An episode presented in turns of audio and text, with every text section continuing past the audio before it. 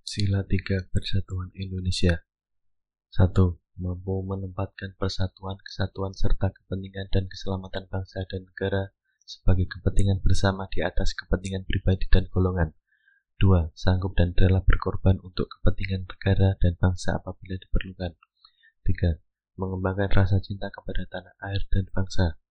4. Mengembangkan rasa kebanggaan, keberbangsaan, dan bertanah air Indonesia. 5. Memelihara ketertiban dunia yang berdasarkan kemerdekaan, perdamaian abadi, dan keadilan sosial. 6. Mengembangkan persatuan Indonesia atas dasar Bhinneka Tunggal Ika. 7. Memajukan pergaulan demi persatuan dan kesatuan bangsa.